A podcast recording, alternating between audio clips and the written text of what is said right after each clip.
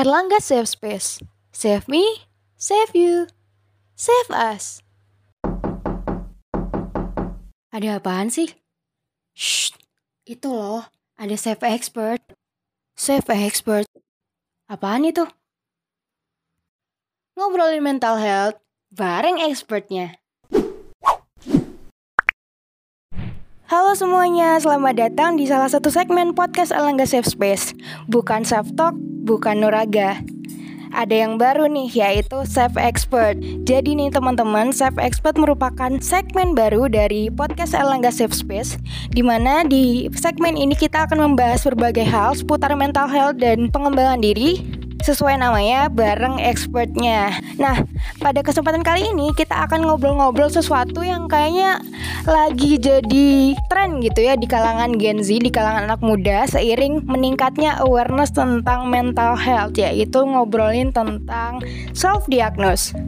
Nah, seperti yang aku bilang tadi, untuk ngobrolin ini aku nggak sendirian, aku ditemenin bareng, bareng ahlinya nih, bareng expertnya gitu. Yaitu ada di sini Kak Yani. Halo Kak Yani Febriana, mungkin boleh kenalan dulu sama Savers yang lagi dengerin. Oke, halo Savers, salam kenal. Aku Yana Febriana, uh, biasa dipanggil Yana. Aku adalah seorang psikolog klinis uh, yang berpraktek secara uh, pribadi dan sering juga uh, mengisi webinar atau Instagram live, podcast seperti ini dan lain-lain yang biasanya concernnya di permasalahan-permasalahan seperti kecemasan, self management, self development dan lain-lain. Yeah. Nah, selain berpraktek pribadi, sehari-harinya aku juga bekerja sebagai asesor SDM di salah satu kementerian. Salam kenal ya Savers. Oke, salam kenal Kak Yani. Terima kasih sudah meluangkan waktunya nih buat ngobrol-ngobrol sama aku di episode perdananya Self Expert. Nah, seperti yang aku bilang nih Kak Yani, kita hari ini bakal ngobrolin tentang self diagnose. Seperti yang kita tahu ya Kak, saat ini media sosial berperan banget sebagai produsen berbagai informasi salah satunya tentang kesehatan mental. Dan hal ini juga membuat uh, awareness para anak muda itu meningkat gitu tentang kesehatan mental. Tapi hal ini ternyata juga berdampak negatif di mana banyak banget nih teman-teman anak muda terutama yang akhirnya self diagnose atau mendiagnosa dirinya sendiri setelah mendapatkan informasi dari berbagai media itu gitu Kak. Mungkin aku mau tanya dulu nih, bagaimana sih konsep self diagnose ini dan uh, apa sih yang membedakan konseling non profesional dan konseling profesional? Karena kita tahu kan uh, teman-teman ini mendapatkan informasi dan mungkin ada yang takut untuk ke psikolog akhirnya mendiagnosis dirinya sendiri gitu Kak. Oke, pertanyaannya menarik banget nih pembahasan kita kali ini ya, Savers. Uh, betul banget tadi yang disampaikan oleh Ayah bahwa uh, konsep uh, self diagnose ini istilahnya ngehits ya, sering kita dengar nih saat ini gitu. Self diagnose itu sebetulnya adalah mendiagnosa secara mandiri, betul tadi yang uh, Ayah sampaikan. Mendiagnosa diri sendiri entah itu penyakit fisik atau gangguan kesehatan mental. Nah, yang sekarang banyak dilakukan itu ya, uh, mendiagnosa diri sendiri uh, bahwa kayaknya gue atau kayaknya aku gangguan ini deh gangguan itu deh gitu ya. Berdasarkan pengalaman uh, entah itu dari pengalaman orang lain atau dari informasi yang tersedia di uh, internet di sosial media gitu ya. Memang uh, di era digital ini semua hal itu dapat dengan mudah kita akses ya savers di internet termasuk informasi tentang kesehatan mental uh, dan gangguan psikologis gitu. Di satu sisi betul tadi disampaikan ini uh, jadi edukasi gitu ya. Tapi di sisi sisi lain sangat mungkin kita juga sebagai penerima informasi ini jadi melakukan self diagnose. Nah, Betul. kenapa sih self diagnose ini tuh jadi concern gitu ya e, bagi kita-kita yang bergelut di dunia kesehatan mental? Karena untuk dapat mendiagnosa seseorang, mendiagnosis seseorang, e, kami mental health profesional seperti psikolog, psikiater itu tidak tidak mudah ya, tidak mudah banget gitu ya mendiagnosa seseorang. Yeah. Kami itu sangat berhati-hati dalam menegakkan diagnosis karena ini melibatkan hidup seseorang gitu ya sekecil apa pun masalah yang dihadapi. Jadi sangat disayangkan gitu kalau kita sendiri ternyata mudah sekali memberi label kita mengalami gangguan tertentu yang pastinya belum tentu benar gitu. Iya betul uh, betul. Apa yang kita diagnosa untuk diri kita sendiri. Nah pertanyaannya menarik lagi nih apa sih bedanya konseling uh, dengan non profesional uh, dengan konseling dengan profesional gitu ya? Iya ketika kita cerita atau konseling gitu ya konseling dengan profesional itu uh, kerahasiaan apa yang kita ceritakan itu sangat dijaga gitu. Kalau misalnya kita nggak nggak nggak konseling atau uh, nggak menyampaikan masalah kita ke profesional, sangat mungkin apa yang kita ceritakan itu bocor gitu ya. Jadi nggak ada yeah, jaminan bocor gitu. kerahasiaan apa yang kita Betul. ceritain. Terus udah gitu, kadang-kadang kalau kita ceritanya ke teman atau non profesional, kadang-kadang suka di judgment gitu ya. Ah gitu doang masalah aku lebih berat misalnya gitu. Bener nah, banget, kalau ke profesional kan nggak nggak akan seperti itu gitu ya. Dan ketika kita konseling ke profesional, eh, kita akan fokus pada permasalahannya.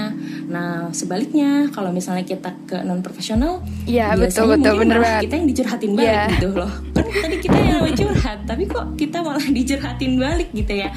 Nah, terus ada lagi nih kalau kita menggali, eh, kalau kita konseling dengan profesional, eh, masalahnya akan digali secara objektif dan lebih detail gitu ya, termasuk saran-saran yang disampaikan dari profesional, entah itu psikolog atau psikiater itu pasti eh, based on atau berdasar dari ilmu yang eh, teruji gitu ya, bukan hanya sekedar pengalaman aja gitu. Dan eh, tentunya kalau misalnya kita konseling dengan profesional itu tujuannya Iya. jelas, tujuan konselingnya ada gitu ya, ada tujuannya, kemudian terukur progresnya biasanya seperti itu. Nah itu eh, apa ya eh, kelebihan dan Oke. pentingnya konseling dengan profesional. Jadi teman-teman gitu. self diagnose itu uh, proses mendiagnosa diri sendiri yang mana sebenarnya kalau dari sisi profesional dari sisi psikolog proses diagnosis itu sendiri membutuhkan waktu yang panjang ya kak ya. Jadi nggak bisa cuma lihat sekilas terus didiagnosa betul, gitu. Mm, betul betul, sangat berhati-hatilah ya. Iya betul. Seperti kata Kak Yana tadi, perbedaan dari konseling profesional ke psikolog dan konseling non profesional, misalnya curhat ke teman sendiri atau yang lain, itu lebih rawan bocor dan tentu aja eh, tujuannya tidak terukur gitu, Mm-mm. gitu. Jadi untuk teman-teman agar mendapatkan solusi yang lebih pasti gitu ya atas apa yang dirasakan atau atas masalah yang dirasakan, lebih baik untuk konsul langsung ke profesionalnya. Nah, lanjut lagi nih Kak. Tadi kan udah ngobrolin self diagnose itu apa dan perbedaan konseling profesional dan non profesional itu apa. Lalu ada nggak sih kak dampak negatif dari self diagnose dan kalau ada apakah dampak itu berbahaya gitu kak si self diagnose ini Oke. gitu. Mm-mm-mm. Tentu saja ya ada dampaknya self diagnose ini karena eh, umumnya kan kita melakukan self diagnose itu sumbernya dari internet ya. Kalau sekarang eh, s- apa Betul, yang betul. sering terjadi itu sumbernya dari internet. Nah, info yang di internet itu tidak selalu benar dan tidak selalu lengkap gitu ya. Sehingga Betul. pemahaman dan pengetahuan yang terbatas itu sangat memungkinkan kita untuk salah dalam menginterpretasikan gejala karena kita kan nggak belajar eh, apa ya nggak belajar kondisi psikologi seseorang secara keseluruhan ya hanya baca dari internet aja bisa jadi Betul. mengartikan gejalanya salah Eh, bahkan bisa juga jadi eh, penanganannya yang nggak tepat gitu ya nah kemudian eh, labeling ketika kita mendiagnosa diri kita sendiri, melabel diri kita dengan gangguan-gangguan tertentu itu juga eh, sering kali memperparah kondisi kita justru ya melebihi kondisi yang sebenarnya. Misalnya kayak bikin jadi overthinking atau jadi minder atau menghindari orang lain dan lain-lain. Nah, justru menambah masalah baru gitu ya. Betul. Dan eh, satu lagi ketika kita fokus pada eh, apa diagnos diagnosa kepada diri kita yang belum tentu benar itu masalah yang sebenarnya itu bisa jadi malah jadi terabaikan dan nggak teratasi gitu. Oke, jadi nih teman-teman savers lebih baik kita menghindari banget ya self diagnose ini karena seperti yang dibilang kayaknya tadi akibatnya ternyata berbahaya ya bisa dibilang berbahaya. Bahkan bisa memperparah kondisi teman-teman semua. Misalkan kondisi teman-teman sudah bergejala dengan teman-teman self diagnose akan bikin teman-teman overthinking dan justru malah bikin kondisinya semakin eh, buruk gitu ya mungkin gitu. Nah, kalau ngomongin dampak negatif nih Kak, apakah ada sih dampak positif dari self diagnose ini kalau kalau ada? Mm-mm. Oke, sebetulnya eh, savers ya kita uh, ayah saya uh, savers. Mungkin kita pernah ya melakukan self diagnose untuk gejala kesehatan fisik misalnya ketika kita sakit flu gitu ya. Karena sudah berpengalaman bertahun-tahun mengalami flu jadi kita udah tahu nih kalau bersin-bersin tandanya mau pilek gitu ya. Nah itu kan mudah kelihatan karena gejalanya tampak gitu ya. Terus kalau misalnya udah seminggu masih pilek baru kita periksa atau minta diagnosa dokter kenapa ya ini jangan-jangan aku bukan pilek gitu ya. Nah berbeda dengan kondisi psikologis kadang-kadang kondisi psikologis itu eh, nggak uh, nggak jelas gitu ya nggak nggak tampak abstrak sehingga sulit untuk dinilai oleh diri sendiri. Nah e, kalau di penyakit fisik kan kadang-kadang kita perlu cek darah, perlu ronsen, diukur tensi, dicek suhu dan lain sebagainya ya untuk menegakkan diagnosa e, kita sakit apa gitu. Nah kondisi mental juga seperti itu perlu dilakukan observasi atau pemeriksaan psikologis oleh profesional. Nah jadi sebetulnya self diagnose itu perlu nggak sih? E, perlu tapi pada sampai uh, pada uh, atau sampai pada tahap aware gitu ya sadar akan kondisi mental sampai situ. Nah, kalau misalnya kita ngerasa kok kayaknya aku udah nggak nyaman ya, kok kayaknya ini mengganggu keseharian aku nih gitu. Oke, mungkin aku butuh konsultasi dengan profesional, entah itu psikolog atau psikiater. Jadi self diagnose ini batasannya sampai ke awarenessnya gitu ya, sampai menilai uh, kondisi diri aku seperti apa. Betul. Nah, dari situ baru uh, apa namanya? Uh, setelah mengenali apa yang dirasakan uh, apa yang dibutuhkan baru uh, berkonsultasi dengan profesional untuk mendapatkan uh, gambaran yang lebih objektif gitu. Oke, gitu ya teman-teman savers. Ternyata self diagnosis itu sebenarnya boleh tapi hanya pada tahap awareness. Kalau misalkan teman-teman sudah merasakan aduh kayaknya ada yang nggak bener nih sama diri aku ada yang salah nih aku begini aku begitu daripada mencari-cari di Google kemudian mendiagnosis diri sendiri kemudian jadi overthinking dan justru memperparah keadaan mending langsung uh, hubungin ke profesional gitu ya. Apalagi nih kak kalau dilihat-lihat nih teman-teman yang self diagnose nih sering banget akhirnya uh, justru kesannya jadi menggampangkan kondisi yang sebenarnya terjadi. Jadi misalkan nih ada orang yang benar-benar depresi lalu ada orang ada teman-teman yang self diagnose kemudian bilang ah aku juga depresi dan aku biasa aja gitu. Padahal ya belum tentu gitu ya kak ya. Nah lanjut lanjut ngobrolin tren tadi nih kak Gimana tanggapan kakak terkait isu kesehatan mental ini self diagnosis tadi yang sampai sekarang ternyata jadi tren gitu kak Banyak banget teman-teman uh, anak muda nih yang kemudian bikin TikTok segala macam untuk mengekspos uh, kondisi mentalnya tanpa diagnosis dari profesional begitu. Oke, okay.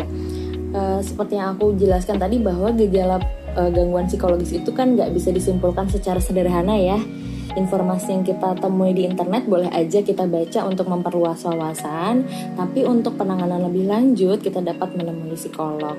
Nah, kalau uh, tanggapan aku terkait sama konten-konten yang seperti itu ya, kalau menurut aku daripada membuang energi untuk mengikuti tren atau mencari perhatian publik, lebih baik energinya, waktunya itu dipakai untuk memperbaiki keadaan menjadi lebih baik gitu ya. Kalau memang betul-betul ngerasa nggak nyaman, gimana caranya supaya lebih nyaman dalam hidup, fokus pada tujuan hidup gitu ya. Jadi kembali lagi kita mau dapat apa sih dari dari mengikuti tren itu gitu ya. Daripada energinya dan waktunya habis untuk mengikuti tren lebih baik betul. energi dan waktunya dipakai untuk memperbaiki keadaan diri sendiri gitu kan. Betul.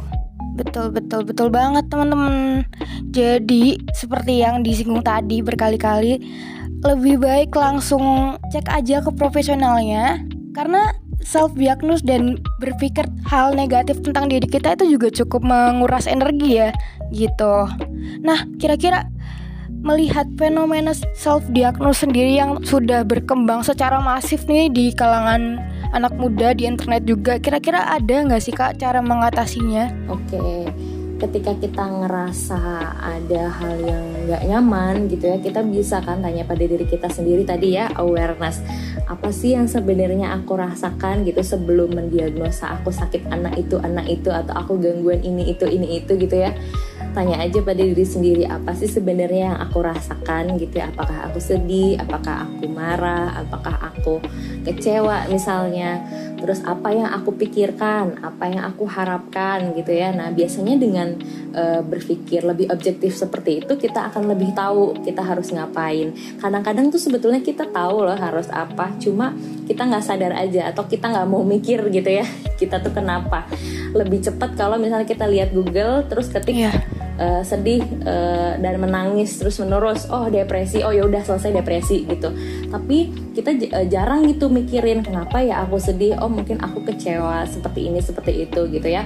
Kadang-kadang nggak penilaiannya pengen yang instan gitu ya pengen cepet-cepet langsung mendiagnosa gitu. Aku gangguan apa sih gitu. Nah nanti kalau misalnya kita sudah terbiasa memikirkan apa sih sebenarnya aku rasakan apa sih yang sebenarnya aku pikirkan apa sih yang sebenarnya aku harapkan nah nanti kita mulai itu bisa berpikir apa yang bisa aku lakukan supaya aku lebih nyaman misalnya orang setiap orang kan akan beda-beda ya Betul. menenangkan dirinya. Oh kayaknya aku senangnya sholat ngaji misalnya. Aku senangnya jalan-jalan. Aku senangnya dengerin musik. Aku senangnya main sama geng aku misalnya gitu. Setiap orang akan beda-beda boleh dicoba self help dulu gitu ya menenangkan diri. Kalau misalnya perlu relaksasi ketika ngerasa nggak nyaman ketika ngerasa cemas banget boleh juga dilakukan relaksasi. Ada banyak teknik-teknik relaksasi yang bisa dicari di Google gitu ya daripada kita cari uh, dia apa gejala-gejala ini gejala-gejala itu. Coba cari di YouTube-nya teknik relaksasi gimana gitu ya di Google juga ada. Nah ketika self help itu dirasa uh, ternyata nggak ngefek nih nggak bikin aku lebih nyaman gitu ya yeah. nah bisa tuh kita konsultasi dengan profesional karena ketika kita konsultasi dengan profesional itu bukan hanya uh, kita itu tidak hanya melihat masalahnya doang oh kamu masalah ini oh kamu diagnosnya ini nggak cuma itu doang tapi gimana sih potensi kamu potensi kita dan kekuatan apa yang kita punya supaya kita bisa membantu diri kita sendiri menghadapi masalah yang dialami? Gitu sih. Oke, jadi gitu ya teman-teman. Mungkin kalau misalkan seperti yang dibilang Kayana tadi mungkin kalau teman-teman lagi ngerasa aduh aku stres nih aku sedih mungkin teman-teman bisa self healing dulu gitu ya. Self healing dulu sesuai apa yang teman-teman suka gitu. Setelah teman-teman melakukan self healing dengan cara yang teman-teman suka dan ternyata gejalanya uh, belum juga membaik, baru boleh dilanjut ke pertolongan profesional daripada mencari gejala-gejala itu di internet karena kembali lagi tadi seperti kata kaya nih hal-hal yang di internet itu belum tentu benar dan belum tentu bisa dipertanggungjawabkan dan sesuai dengan kondisi yang dialami teman-teman gitu. Nah, lanjutin tentang poin cara mengatasi self diagnose tadi nih kak. Menurut kakak nih, biar teman-teman nih akhirnya nggak terhindar gitu dari self diagnose apakah teman-temannya harus uh, mulai memilah-milah informasi lagi atau bagaimana? Oke. Okay. Kan masih banyak nih teman-teman yang mungkin aduh aku nggak mau ke psikolog aku takut gitu. Oke. Oke. Okay. Uh, eh, yang pertama harus dilakukan adalah dengerin podcast ini. karena podcast ini keren banget ya. Betul betul bener banget. tentang self diagnose jadi kalau teman-teman savers udah dengerin podcast ini berarti teman-teman savers udah maju satu langkah lebih eh, ya satu langkah lebih maju gitu ya. Udah udah tahu iya bener banget bener banget. Udah tahu sebenarnya self diagnose itu apa terus uh, pentingnya seperti apa gimana caranya memanfaatkan informasi gitu ya. Nah Oke, okay, kalau memang banyak ya uh, ayah dan savers uh, masih banyak uh, netizen teman-teman kita anak-anak muda yang uh, mungkin takut gitu ya belum mau ke profesional. It's okay, nggak apa-apa kalau memang belum siap, belum berani, uh, belum tahu gitu ya, nggak apa-apa. Nah, uh, kita bisa mulai dengan podcast-podcast kayak gini nih, edukasi sebetulnya uh, harusnya seperti apa sih yang jang, yang tidak boleh atau yang jangan sebaiknya jangan dilakukan kayak gimana gitu ya. Nah, paling enggak teman-teman itu dapat insight ya. Dapat insight bahwa tidak semua gejolak emosi itu gangguan. Betul, betul. Jadi misalnya mungkin aja kita tuh mengalami yang namanya bad day gitu ya Betul. atau bad week atau bad month gitu ya dalam satu bulan tuh kayak sedih gitu atau dalam satu minggu kita sedih tapi mungkin nggak fluktuatif ya kadang-kadang sedih kadang-kadang enggak. Nah jadi tidak semua gejolak emosi itu gangguan teman-teman. Bisa aja kondisi kita uh, mentally secara psikologis agak menurun. Nanti balik lagi. Nah gitu. Tidak semua gejolak emosi itu adalah gangguan. Sangat wajar ya tadi kita mengalami hari-hari yang uh, tidak sempurna gitu ya. Nah, itu teman-teman perlu di, uh, ditanamkan terhadap diri sendiri. Yang oh, penting betul. tadi aware dan ketika sudah uh, apa namanya dirasa mengganggu keseharian, uh, terus uh, apa namanya membuat nggak nyaman, kemudian mungkin membahayakan diri sendiri atau orang lain. Nah, itu baru uh, bisa dikonsultasikan dengan ahli. Jadi teman-teman punya parameter sendiri gitu ya supaya nggak self diagnose tadi tidak menyamakan semua uh, masalah itu sebagai gangguan gitu ya uh, terus uh, apa namanya betul, betul. aware terhadap kondisi diri sendiri yang tadi parameternya di, uh, kalau sudah membuat tidak nyaman, kalau sudah mengganggu kehidupan kita sehari-hari gitu ya, dan uh, membahayakan diri sendiri atau orang lain. Nah itu bisa jadi tolak ukur nih teman-teman. Oke, jadi biar teman-teman nih terhindar dari self diagnose, caranya adalah dengerin podcast ini tadi ya, mendengarkan yeah, berbagai informasi betul. yang sekiranya bisa valid gitu ya dari mendengarkan informasi dari teman-teman uh, para psikolog yang memang informasinya sudah memiliki kredibilitas gitu dan mungkin kalau misalkan sudah aware dan sudah tahu kalau misalkan uh, teman-teman ini terasa terganggu gitu ya gejala-gejalanya bisa langsung ke psikolog tadi. Karena balik lagi kata Kak Yani tadi nggak semua eh, nggak semua gejala itu mengacunya ke gangguan kesehatan mental gitu ya. Ada yang memang ya memang lagi sedih aja memang lagi bad luck aja gitu lagi bad day aja gitu. Oke okay. terakhir banget nih kak. Boleh dong kakak menyampaikan pesan untuk para teman-teman nih para masyarakat terutama para Gen Z, para milenial di luar sana yang lagi gencar-gencarnya nih tentang kesehatan mental. Oke. Okay.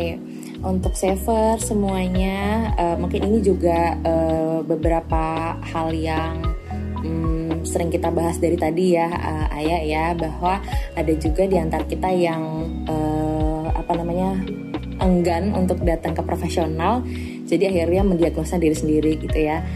Um, yang pengen aku sampaikan adalah datang ke psikolog untuk meminta bantuan psikologis itu sebetulnya bukan pertanda kita lemah ya bukan pertanda kita tuh uh, apa malu-maluin dan lain sebagainya. Tetapi sebetulnya itu bentuk self love low savers. Jadi kita tuh menyadari batasan diri kita gitu ya dengan keterbatasan, keterbatasan informasi yang ada. Betul. dan berani terbuka untuk menghadapi masalah itu juga uh, apa ya salah satu bentuk self love loh teman-teman. Ketika kita biasanya uh, aku cuma ini aja deh uh, menyimpulkan diri apa uh, diriku seperti ini mengalami gangguan ini gitu ya berdasarkan internet. Tapi habis itu udah gitu masalahnya nggak ditanganin. Tapi ketika uh, kita mau ke profesional ke psikolog misalnya itu aja itu aja udah berupa atau bentuk self love gitu ya karena kita berani untuk menghadapi masalah terus uh, dengan kita apa ya mau ke profesional itu juga sebetulnya melepaskan ketegangan teman-teman. Yang mungkin selama ini dipendam cuma diagnosa diri sendiri doang yang ada di kepala doang. Ketika kita konsul sama uh, profesional itu melepaskan ketegangan itu. Dan uh, bisa melihat masalah dengan kacamata yang lebih objektif gitu ya nggak terpaku pada uh, pola pemecahan masalah yang itu-itu aja gitu atau mungkin terpaku sama informasi yang didapatkan dari internet padahal sebetulnya setiap orang ketika uh, ini aku sedikit sharing ya ketika aku konseling uh, klien satu klien dua klien tiga dan klien 50 itu pendekatannya bisa aja beda yeah. gitu ya dengan A akan seperti ini dengan B meskipun masalahnya sama misalnya kecemasan tapi pendekatannya akan beda sesuai sama kekuatan hmm. dia apa kemudian konteks masalahnya apa gitu ya. Yeah. Jadi akan uh, berfokus pada si uh, orang itu gitu ya. Enggak berarti nggak sama, nggak akan sama gitu ya pendekatannya antara klien A sampai Z gitu nggak akan sama. Kalau kita lihat di internet informasinya sama ya jadi semua orang solusinya sama gitu. Iya, padahal iya, sebetulnya betul. setiap orang nanti akan beda-beda kalau misalnya mau konsultasi ke profesional seperti itu. Nah satu lagi nih ayah sayangnya eh, banyak juga nih masih banyak stigma negatif gitu ya. Kalau misalnya ada yang ke psikolog oh, oh, kalau misalnya eh gue lagi ke psikolog nih aku lagi ke psikolog ke psikolog ah lu ngapain gitu doang? Iya betul. ke psikolog segala gitu alah masalah gue lebih berat gitu ya. Masih banyak stigma itu sehingga orang-orang yang tadinya udah mau maju nih mau ke psikolog eh nggak jadi mundur gitu. Jadi jadi untuk para netizen dan Betul, betul, masyarakat betul. juga Iya stop bener banget. memberikan label negatif supaya tidak banyak yang lebih mem- lem- lebih memilih self diagnose daripada eh, diagnosa yang proper gitu dari profesional. Jadi memang mes- yang mendengarkan ini ya savers entah itu saversnya yang sedang me- merasa nggak nyaman gitu ya dihindari self diagnose. Nah teman-teman yang lagi biasa aja yang lagi baik-baik aja juga kalau bisa jangan memberikan stigma negatif kepada teman-teman yang Betul. memang membutuhkan eh, apa namanya mental health profesional itu gitu. Betul banget. Gitu ya teman-teman. Jadi nih ternyata udah dibahas banyak banget tadi dan udah keren banget dan jangan lupa dicatat ya teman-teman tadi poin-poin yang udah dikasih sama Kak Yena nih. Ternyata insightful banget. Jadi ini kalau disimpulin teman-teman self diagnosis itu merupakan eh, kondisi di mana seseorang mendiagnosa dirinya sendiri dan ternyata dampak yang ditimbulkan itu cukup signifikan ya justru bisa memperparah kondisi orang yang melakukan melakukan itu gitu karena ya itu tadi mempengaruhi pola pikir dan justru malah kepikiran dan memperburuk keadaan dan untuk mencegah hal tersebut teman-teman nih bisa seperti yang dibilang Kak Yani tadi mulai eh, melakukan self healing dan pemila pemilahan informasi gitu ya. Jadi kalau memang setelah self healing, setelah beristirahat sejenak gejalanya tidak membaik, teman-teman bisa langsung ke profesional. Karena tadi nggak perlu takut untuk ke profesional ya teman-teman. Karena ke profesional ke psikolog adalah salah satu bentuk self love gitu. Oke kak, nggak kerasa banget nih. Ternyata udah mau selesai aja obrolan kita. Dari tadi udah bahas banyak hal banget, seru banget. Makasih ya kak Yani udah menyempatkan waktunya nih. Udah mau ngobrol-ngobrol bareng aku Untuk memberikan insight buat aku dan teman-teman savers yang lagi dengerin. Oke. Sampai jumpa semuanya di lain kesempatan. Terima kasih sudah mendengarkan. Karena kamu aman di sini di Erlangga Safe Space. Sampai jumpa di episode selanjutnya.